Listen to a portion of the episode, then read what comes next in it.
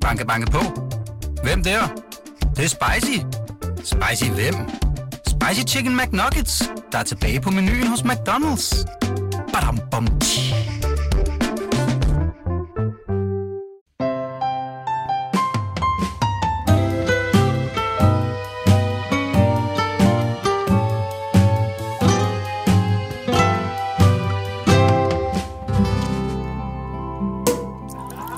Breaking news. Renterne stiger, og 6% lånet er tilbage, i hvert fald hos Jyske Realkredit. Og hvis du, kære lytter, tænker, hvad i alverden, jeg troede, at renten havde pil nedad, så forstår jeg dig godt, for det havde renterne vist nok også indtil for ganske kort tid siden. Mit navn er Signe Terp. Du lytter til Euroinvestor Livsstil, som i dag stiller skarp på, hvorfor renten pludselig er sprunget i vejret, og hvad det betyder for danske boligejere. Og til at gøre os klogere på det, så har jeg Lise Nytoft Bergmann, boligøkonom i Nordea Kredit, samt Mikkel Hø, boligøkonom i Jyske Realkredit, med mig i studiet. Velkommen til, de to. Tak, tak. skal du have. Mikkel, havde du for to uger siden bare regnet med, at I ville genåbne 6%-lånet nu?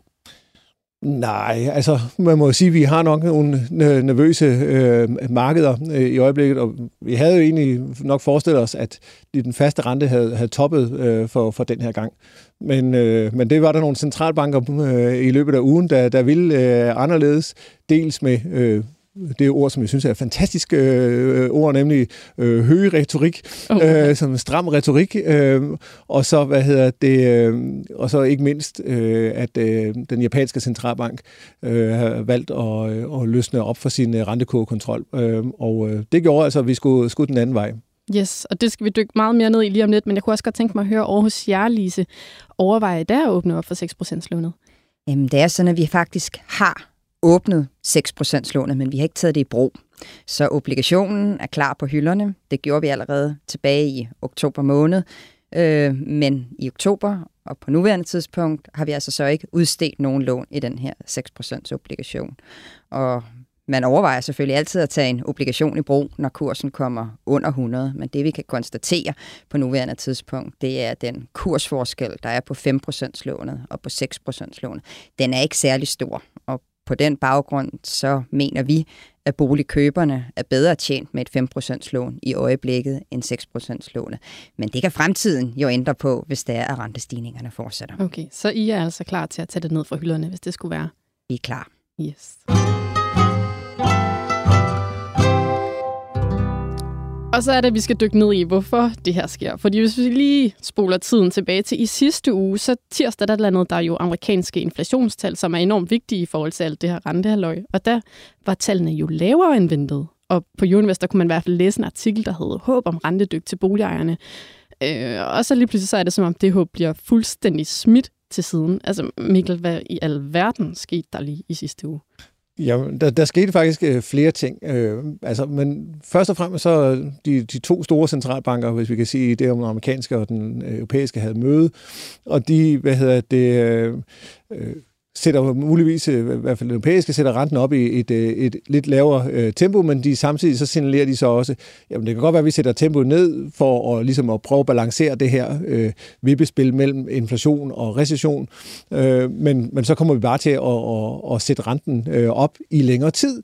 Øh, så, så, så var det ligesom at det noget af det, som, som markedet havde taget forskud på øh, øh, i forhold til, at, at man måske vil kigge lidt mere mod øh, recession og, og dermed altså, udtrappe nogle af de her rentestigninger, ja, så blev man jo øh, lidt, øh, lidt skuffet, fordi centralbankerne er meget, meget opsat på at, at, at bekæmpe den her øh, inflation. Og, øh, og det vil de jo så gøre ved at, at, at sætte øh, renten øh, op. Mm. Øhm, så, øh, så det... Øh, bevæget markedet. Man kan sige, at øh, markederne øh, bliver jo ligesom påvirket af den tale, der kommer ud af centralbankerne. Øhm, og så herudover, så havde vi så også det her med, med, med, med Japan, som måske kan synes som at være en teknikalitet, men, øh, men, men som ikke desto mindre øh, også har en stor betydning, fordi øh, Japan er øh, verdens største øh, kreditor. Ja, og Lise, hvad er det, der er sket i Japan? Fordi jeg har, jeg har skrevet om det, og jeg må ærligt talt indrømme, jeg tror ikke helt, jeg har fanget, hvad i alverden det der japan halløj går ud på. Jamen, det er sådan, at vi i Japan har haft meget lave renter i mange år. Mm. Øhm, og det er sket på grund af, at den japanske centralbank har holdt renten nede ved hjælp af det, de kalder en rentekurvekontrol.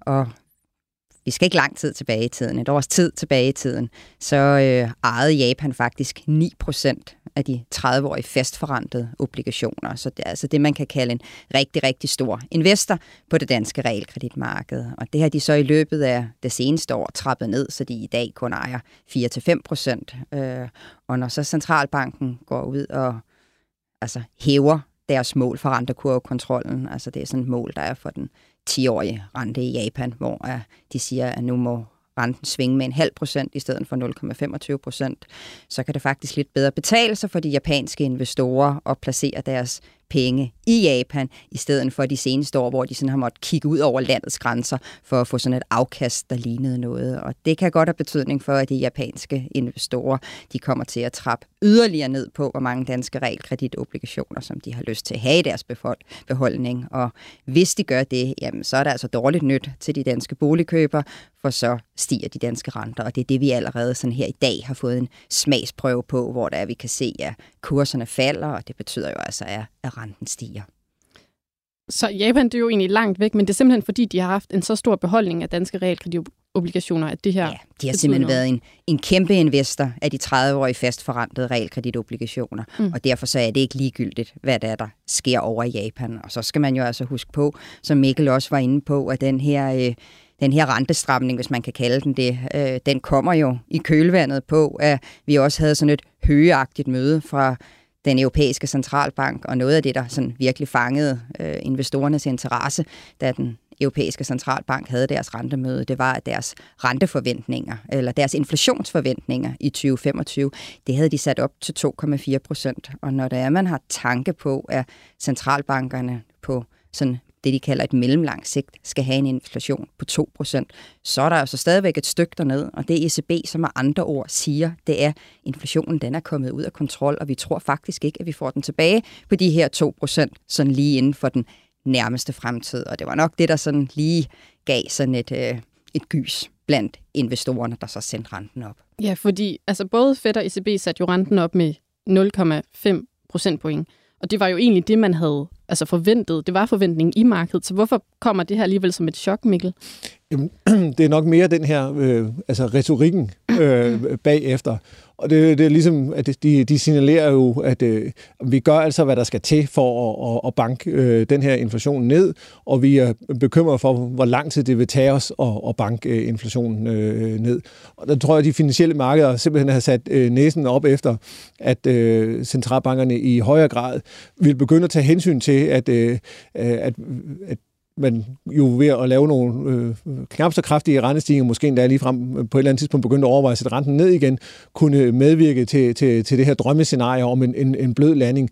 Og der siger øh, centralbanken ligesom, ja, det, det, det er meget muligt, men, men det, øh, I kunne tænke det, men, men i første omgang, så, så, så, så skal vi altså have bekæmpet den her inflation, og det tror vi altså ikke, at, øh, at, at vi har styr på sådan lige med, med det samme, øh, og, og det, det, blev, det tog markederne øh, så øh, ilde øh, op. Så kan man jo selvfølgelig diskutere øh, også øh, altså centralbankernes øh, skynd på, på den her øh, inflation. Er det, er det, øh, det er jo en, en prognose, ligesom alle mulige andre prognoser, og det kan være, være forkert og, og sådan noget, men, men, men det er nu engang øh, centralbankens øh, prognose, der, der ligesom er afgørende for, hvordan centralbankerne agerer. Så, så derfor så, så er der ret meget øh, betydning i den prognose, og det, det er vi ligesom nødt til at skæve til. Jeg tror, hvis jeg lige må supplere, Mikkel, altså det kan godt være, at centralbankerne leverede det forventede på selve mm. mødet, men når retorikken er højagtig, så skete der ret hurtigt det, øh, at markederne så begyndte at forvente flere rentestigninger, eller større rentestigninger i det kommende år. Altså inden mødet i ECB, der havde vi i Nordea en forventning om, at ECB ville sætte renten op med de 0,5 procent her i december måned. Det var også det, vi fik. Og så havde vi en forventning om, at den skulle yderligere op med 0,5 i februar, og så 0,25 i marts. Og den prognose har vi været ude og opjustere, så vi nu også tror på, at renten den skal stige med altså ikke bare 0,25 i marts, men 0,5 procent. Og det var vi altså ikke ene om. Der gik sådan ligesom et et sus igennem markedet, hvor er, at de fleste prognosemager, de var ude og opjustere mm. deres prognoser. Og det er den effekt, man allerede får nu, fordi hvis investorerne tror, at renten skal være højere, øh, og ovenikøbet måske højere i længere tid, end det man først havde troet, så reagerer de finansielle markeder på det allerede i dag. Okay. Og hvis vi sådan skærer det helt ud i pap, altså den her, øh, det, der er sket den seneste uges tid, hvad betyder det for en dansk boligejer med et variabelt lån? Er der nogen af jer, der har regnet på det? Ja, det har jeg regnet på.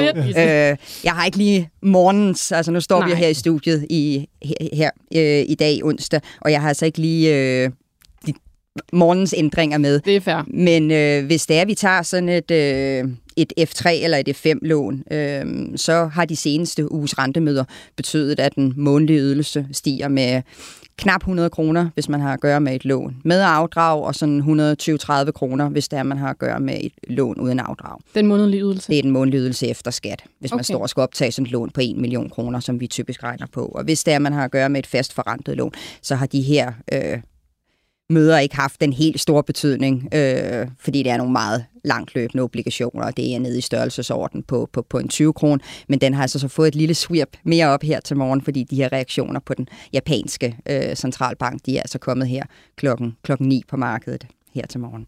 Okay. Og der skal man måske huske på, når man så står og hører de her tal, så siger ah, det er jo ikke så slemt. Mm. Så, så tror jeg bare, det er vigtigt, at man skal huske på, at det er jo ligesom, altså man bliver jo ved med at hælde, hælde vand op i koppen, ikke? Så, så efterhånden så er der altså kommet temmelig meget øh, væske ned i, i den øh, kop, så, så en 100 kroner der og 100 kroner der, ikke? Altså det, det svarer lidt til, at min øh, matematiklærer altid øh, øh, kiggede meget bestemt på mig og sagde, høj, det summer op, øh, ikke? når jeg havde været uartig, ikke? Og det, øh, det, det fik jeg altså ofte at vide, og så, så en gang imellem, så endte det med, med, med et raballer, og, og, og det, det er så lidt det, der, der, hvad hedder det, øh, der, der ligesom sker, at, at det, det, det summer op for, for, for boligejerne. Så, så er det så, alvorligt, det her?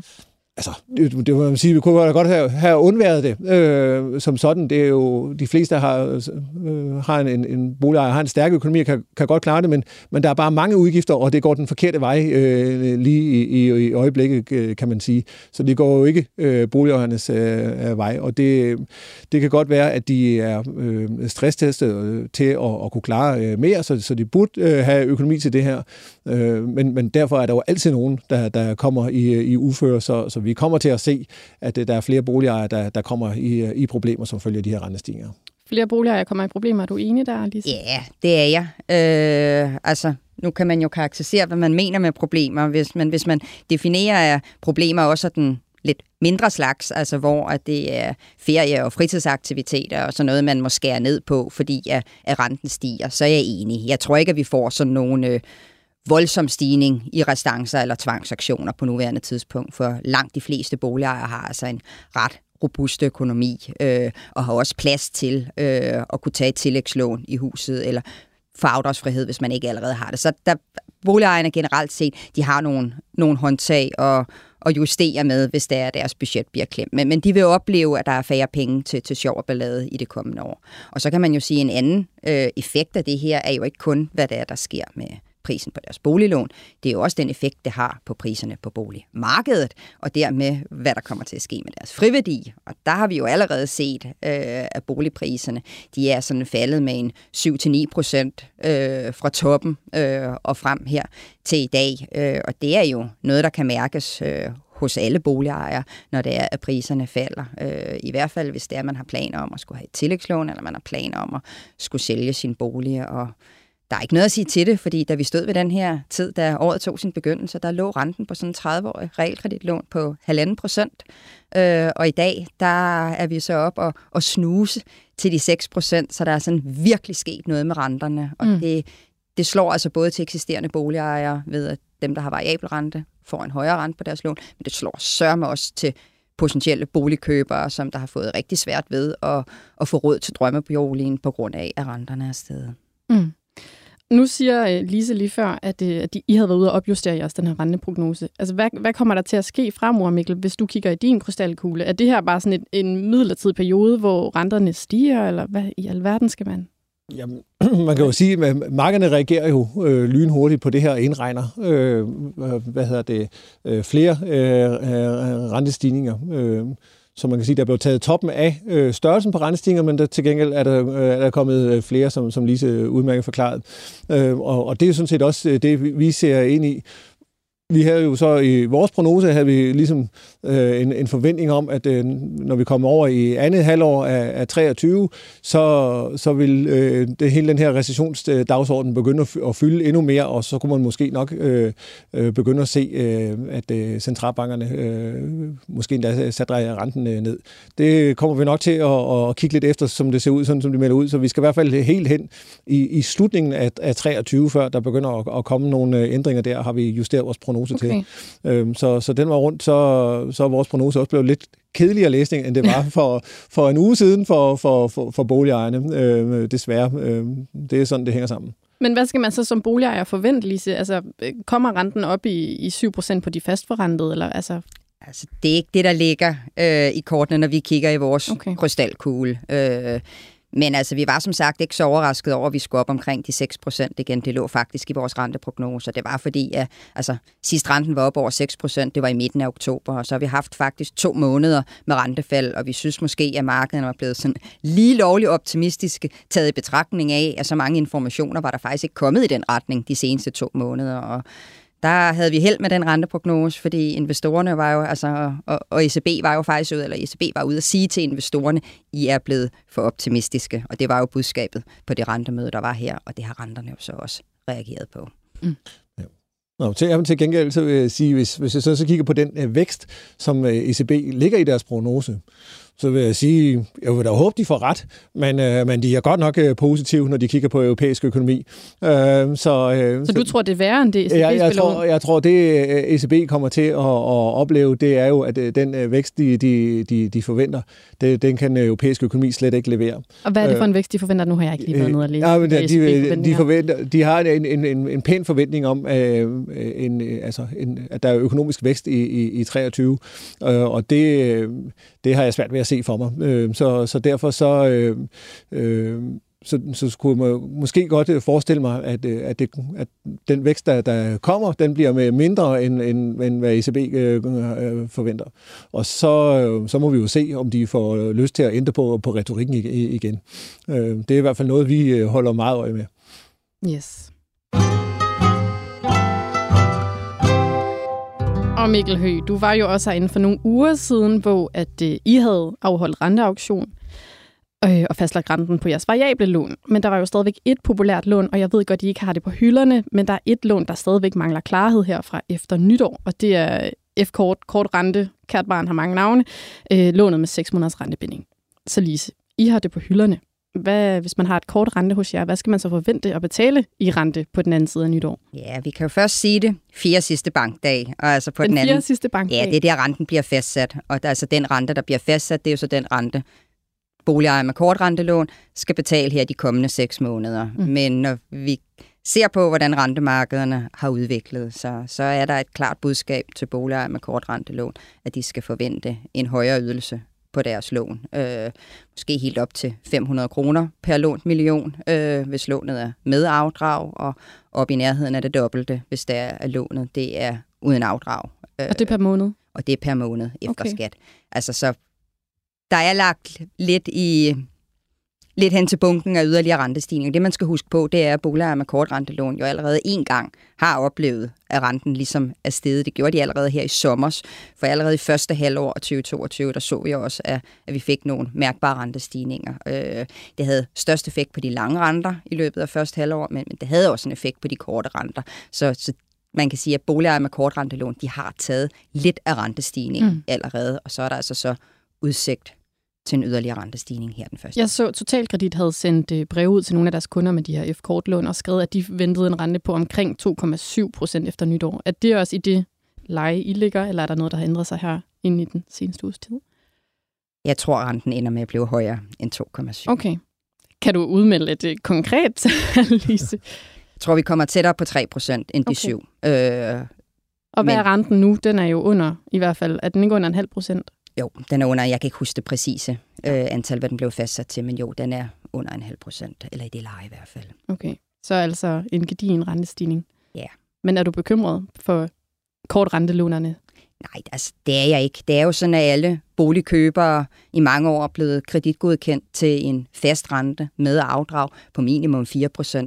Så det, at vi har nogle renter på de variabelforrentede lån, der kommer op omkring 3 eller 3,5 procent, hvis det er, man har at gøre med F3 eller F5-lån, det er jo stadigvæk under den grænse på, på, på 4 procent. Og hvis det så oven i købet er nogle år siden, når man er blevet kreditgodkendt, så sker der jo det i de fleste familiers økonomi, at man får en lille lønstigning sådan løbende, og dermed sådan gradvist lidt mere råderum. Og så er rigtig mange boligejere altså velpolstrede. Så uanset om man hører til de boligejere, som der skal have ny rente her den 1. januar, øh, eller man hører til de boligejere, der så kommer og skal have en ny rente den 1. april, og hvor vi jo altså kigger frem mod nogle aktioner i februar, så er jeg tryg ved, at boligejerne har et godt overblik over deres økonomi, en robust økonomi i baghånden. Mm.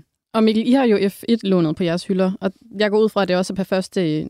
januar, der er en ny rente, der træder i kraft der. Det har I vel meldt ud for noget tid siden til jeres øh, boligejere. Hvordan er det blevet taget imod? Jo, men det er jo Altså, det er jo blevet taget imod, som, som sådan noget nu bliver. Det er jo kedelig læsning, ærgerlig læsning, øh, når man nu har, har vendt sig til de der lave øh, niveauer.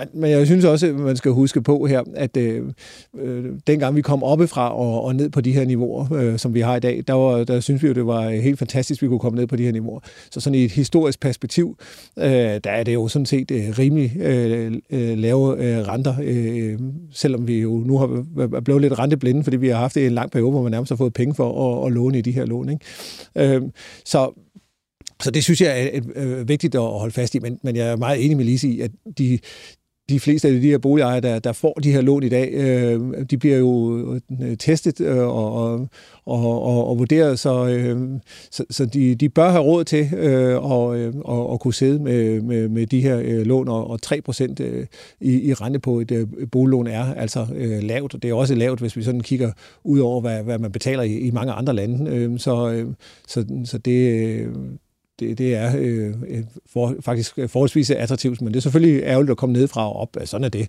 Ja. Øh, og det, det ved man, når man har sådan et lån. Hvis man har det dårligt med det, ja, så har man valgt det, det, det forkerte produkt, så skulle man have et lån med, med fast rente. Okay. Jeg hæfter bare med, at de begge to stadigvæk har julehumør og er nogenlunde positiv på boligejernes vegne.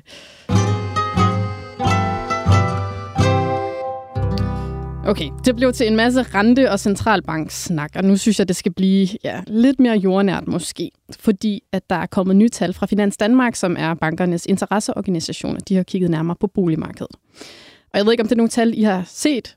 Ja, de viser, at prisnedslagene på både øh, lejligheder og huse er dobbelt så store nu, som de var for et år siden, og at handelsaktiviteten i det må have været tredje kvartal, ikke? Tredje kvartal af 2022 er på det laveste i 26 kvartaler. Hvordan læser I de her tal? Jamen, det er jo et udtryk for, at øh, boligmarkedet er et sted, hvor der er ved at ske en, en, en tilpasning.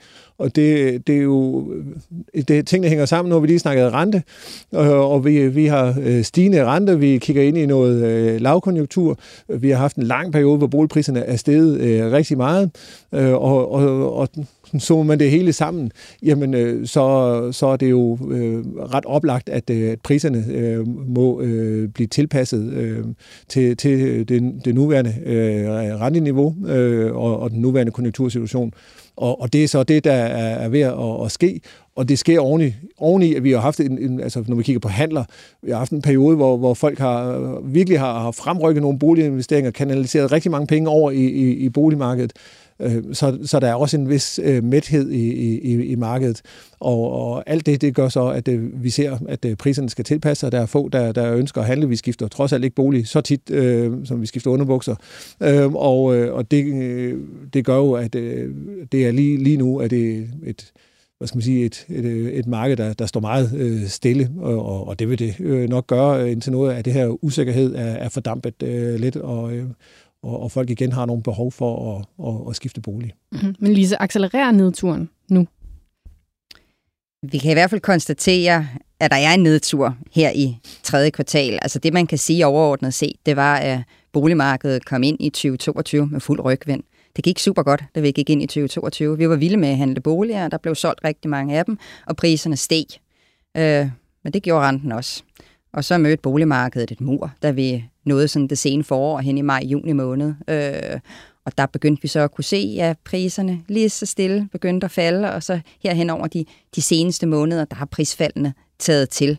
Øh, og de tal, der så er blevet offentliggjort for Finans Danmark, de dækker tredje kvartal. Vi har også nogle tal på boligsiden, der er to måneder længere fremme, og dermed endnu nyere.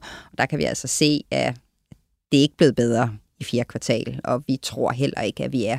Selvom at det er gået hurtigt med at få priserne ned øh, her i andet halvår, så tror vi ikke desværre, at vi er på bunden på nuværende tidspunkt, fordi de rentestigninger, vi har haft, de har været så hæftige, øh, så førstegangskøberne har det rigtig svært.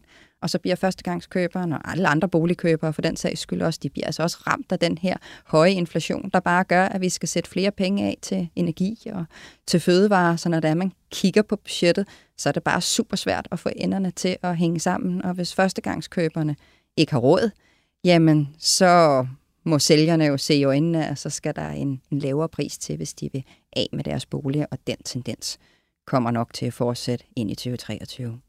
Så den tendens med faldende boligpriser kommer til at fortsætte. Hvor langt skal boligpriserne så ned?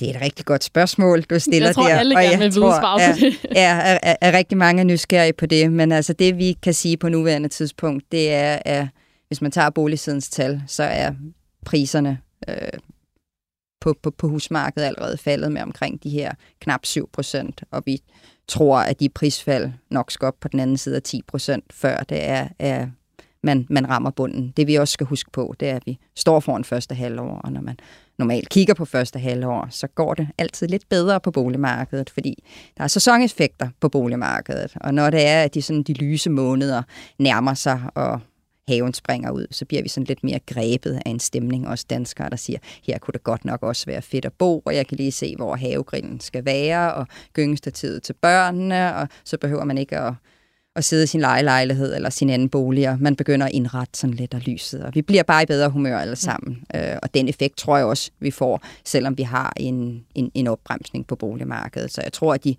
lidt markante prisfald, vi har set her i andet halvår, at de bliver mindre, når det er, vi kommer ind i 2023. Okay. Men vi er ikke til vejs ende endnu, og slet ikke på ejerlejlighedsmarkedet, hvor vi altså også står foran en boligskattereform, der træder i kraft ved årsskiftet om et år, og som altså også giver yderligere modvind for ejerlejligheder. Så der kommer vi nok op på nogle, nogle prisfald, der måske kommer til at nærme sig 15 procent, øh, i hvert fald i de større byer, før vi... På ejerlejlighederne? På ejerlejligheder, før det er, at vi øh, er sådan ved vejs ende. Og det man jo så skal huske på, når det er, man hører de her prisfald, for de lyder jo Ja, det lyder dramatiske. Så skal vi lige huske på, at både hus- og ejerlejlighedspriserne steg med 20 procent alene under de to år med corona. Så det her med, at man får nogle prisfald, det kan man jo betragte på forskellige måder. Man kan jo betragte det som, af, det gør ondt, eller man kan betragte det som, okay, vi ruller lidt af gevinsten tilbage igen. Mm. Det var jo ikke sådan, da vi stod inden corona, at vi synes, at priserne var lave på det værende tidspunkt. Der tror jeg, at de fleste, der har været boligejere i mange år, faktisk havde en god mavefornemmelse og tænkt, at man har fået noget i friværdien gennem mange år, så, så ruller vi tilbage til det niveau igen, så, så skal man nok, i hvert fald dem, der har været på boligmarkedet i mange år, stadigvæk være godt tilfredse med, hvordan den, den langsigtede mm. udvikling har været på boligmarkedet. Mikkel, tænker du, at vi skal tilbage til niveauerne før corona? Uh, det, det er svært at vide, hvor, hvor, hvor det er havner hen, men, men øh, vi kommer jo tæt på at, at, at, at rulle til, til, tilbage. Det er ikke, fordi vores forventninger er meget forskellige fra de forventninger, øh, Lise lige har, har, har, har talt om her. Så, så vi kommer jo forholdsvis øh, øh, tæt på. Men man kan jo så også sige, at corona var jo sådan en ekstraordinær øh, situation, som, som jo netop gav, øh, viste sig, øh, et boost til, til, til boligmarkedet, og nu, nu er det så ekstraordinært øh, væk, og, og, og så indtræder noget af det her mæthed også, som jeg snakker om. Ikke? Så, øh, så, så det, det, det er meget muligt, at det, det er det, vi, vi hænder. Det er i hvert fald ikke øh, usandsynligt. Men, men det, det, det afhænger også meget af, altså, hvad, hvad der kommer til at, at, at, at ske øh, fremadrettet. Der er ingen tvivl om, at øh, boligskatterne i sig selv øh, giver noget, noget usikkerhed. De har allerede skabt usikkerhed på, på lejlighedsmarkedet. Og ja, der, der kunne man godt forestille sig, at, øh, øh at vi får sådan en, en mærkelig, øh, eller det er i hvert fald et scenarie, man kunne frygte lidt, et, sådan mærkeligt scenarie, hvor, hvor folk øh, tænker, er det nu godt øh, og smart at købe øh, inden skattereformen træder i kraft, eller skal man vente? Øh, og det, det er sådan øh, ret svært at, at, at gennemskue, hvad, hvad, hvad folk egentlig tænker øh, om det. Mm. Du siger, at jeres forventninger var ikke så langt fra Lises, og du nævner nogle, øh, nogle yderligere prisfald. Hvor, hvor langt ser I priserne skal ned? Jamen altså, vi ser jo sådan noget, som vi skal forbi de der øh, 10 procent på parcelhuse. Øh, fra så, toppen i sommer? Så fra toppen i sommer, ja. ikke? så vi skal, vi skal jo øh, have sådan en, en, en, et sted mellem en, en 10-15 øh, procent, øh, og, øh, og så skal lejlighederne, øh, de skal jo have lidt mere. Øh, så, så det er øh, i, i, i det øh, leje, øh, vi, vi, vi taler, og det er jo Øh, en, en pæn øh, tilpasning, men, men, men øh, igen, øh, så... Øh, så, så er det jo ovenpå øh, en meget kraftig øh, øh stigning, øh, som, som vi jo talte om inden corona, øh, var måske for kraftig i forhold til, hvad man kunne forklare med økonomiske faktorer. Det var der i hvert fald nogen, der mente. Så, øh, så, så det gør måske ikke noget for sådan den finansielle stabilitet, at noget af det bliver øh, rullet lidt tilbage. Det, det tror jeg egentlig, at øh, øh, sådan dansk økonomi som helhed måske kan være meget godt tjent med sådan på den helt lange sigt. Mm. Og mit aller sidste spørgsmål her på falderibet, for vi er næsten ved at løbe tør for tid. Men hvis man, øh, hvis man nu sidder derude som boligejer, og der kommer hele tiden alle de her forskellige tal for boligmarkedet, der kommer noget udbud, og der kommer priser, og der kommer renter. Hvis man nu bare ligesom skal holde øje med et tal, hvad er så kongetallet som boligejer, man skal holde øje med? Hvis jeg skulle vælge et, mm. så vil jeg sige boligudbuddet. Okay, hvorfor det? Øhm, fordi at boligudbuddet er sådan lidt en forløber for, hvad der kommer til at ske med priserne. Hvis udbuddet stiger, så får køberne bedre forhandlingsvilkår, og det tyder alt andet lige på, at priserne så skal lidt ned i den kommende tid. Øhm, og noget af det, vi så under corona, var jo også, at udbuddet det faldt til det laveste niveau i 16 år. Der var næsten ingen til salgsskilt, når vi gik ned ad villavejene. Øh, og så var der ikke meget at forhandle om med sælgere. De vidste jo godt, altså, at de kunne holde fast i prisen, og køberne havde ikke så meget anden mulighed end at betale prisen eller, eller holde sig ude, og det, det gjorde køberne så også. Så, så hvis man sådan vil kigge lidt længere ud øh, og, og, og vide noget om, hvad der kommer til at ske på boligmarkedet, så vil jeg holde øje med udbuddet. Selvfølgelig med respekt for de normale sæsonudsving, som der også er i udbuddet. Mm. Er det også boligudbud, du øh, vil anbefale, Mikkel? Jamen, øh, boligudbuddet er et godt tal at, mm. og, og, og følge. Det kan være lidt, lidt svært at, at forstå. Altså lige nu øh, stiger det øh, temmelig meget, men, men, men niveauet er jo øh, stadigvæk øh, faktisk forholdsvis øh, lavt, så, så, så man skal også bruge lidt tid på at kigge på det. Men, øh, men det er et godt bud. Et andet bud kunne være at kigge på, på øh, ejendomsmælerkædernes øh, fremvisningsindeks, hvor man kan se, hvor mange kommer der egentlig øh, ud øh, og, og kigger, og øh, når, når der kommer flere ud og kigge, øh, jamen, øh, så kunne det være et øh, forvarsel om, at øh, flere kunne være interesseret i at, at, at købe bolig. Så, så det var, det var et, andet bud, som øh, måske er lidt, lidt nemmere at forholde sig til, øh, øh, fordi det, der ikke er så mange øh, hvad skal man sige, effekter, der, der spiller ind her. Yes, jamen så er der også lidt gode fifs givet videre. Tiden er ved at rende ud. Jeg skal sige tusind tak til dig, Mikkel Hø, og tak til dig, Lise Nisoft Bergman, og tak til Anna Eline ude i teknikken.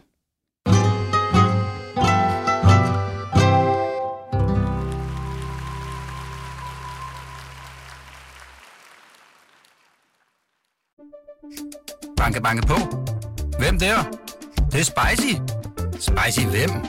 Spicy Chicken McNuggets, der er tilbage på menuen hos McDonald's. Badum, bom, tji.